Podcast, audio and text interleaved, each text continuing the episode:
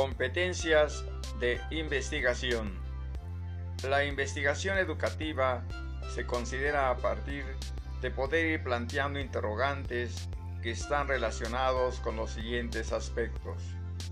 Cómo funcionan las instituciones educativas, cómo se aplican los métodos de enseñanza, cómo se plantea el modelo educativo de la institución, entre otros, con lo cual se genera una necesidad de identificar, diagnosticar y generar mejoras sustantivas en el ámbito de la educación. El docente debe tener la capacidad de buscar información y utilizarla de manera crítica para que pueda desempeñarse satisfactoriamente y garantice que el estudiante tenga acceso a contenidos que sean relevantes, interactivos y confiables.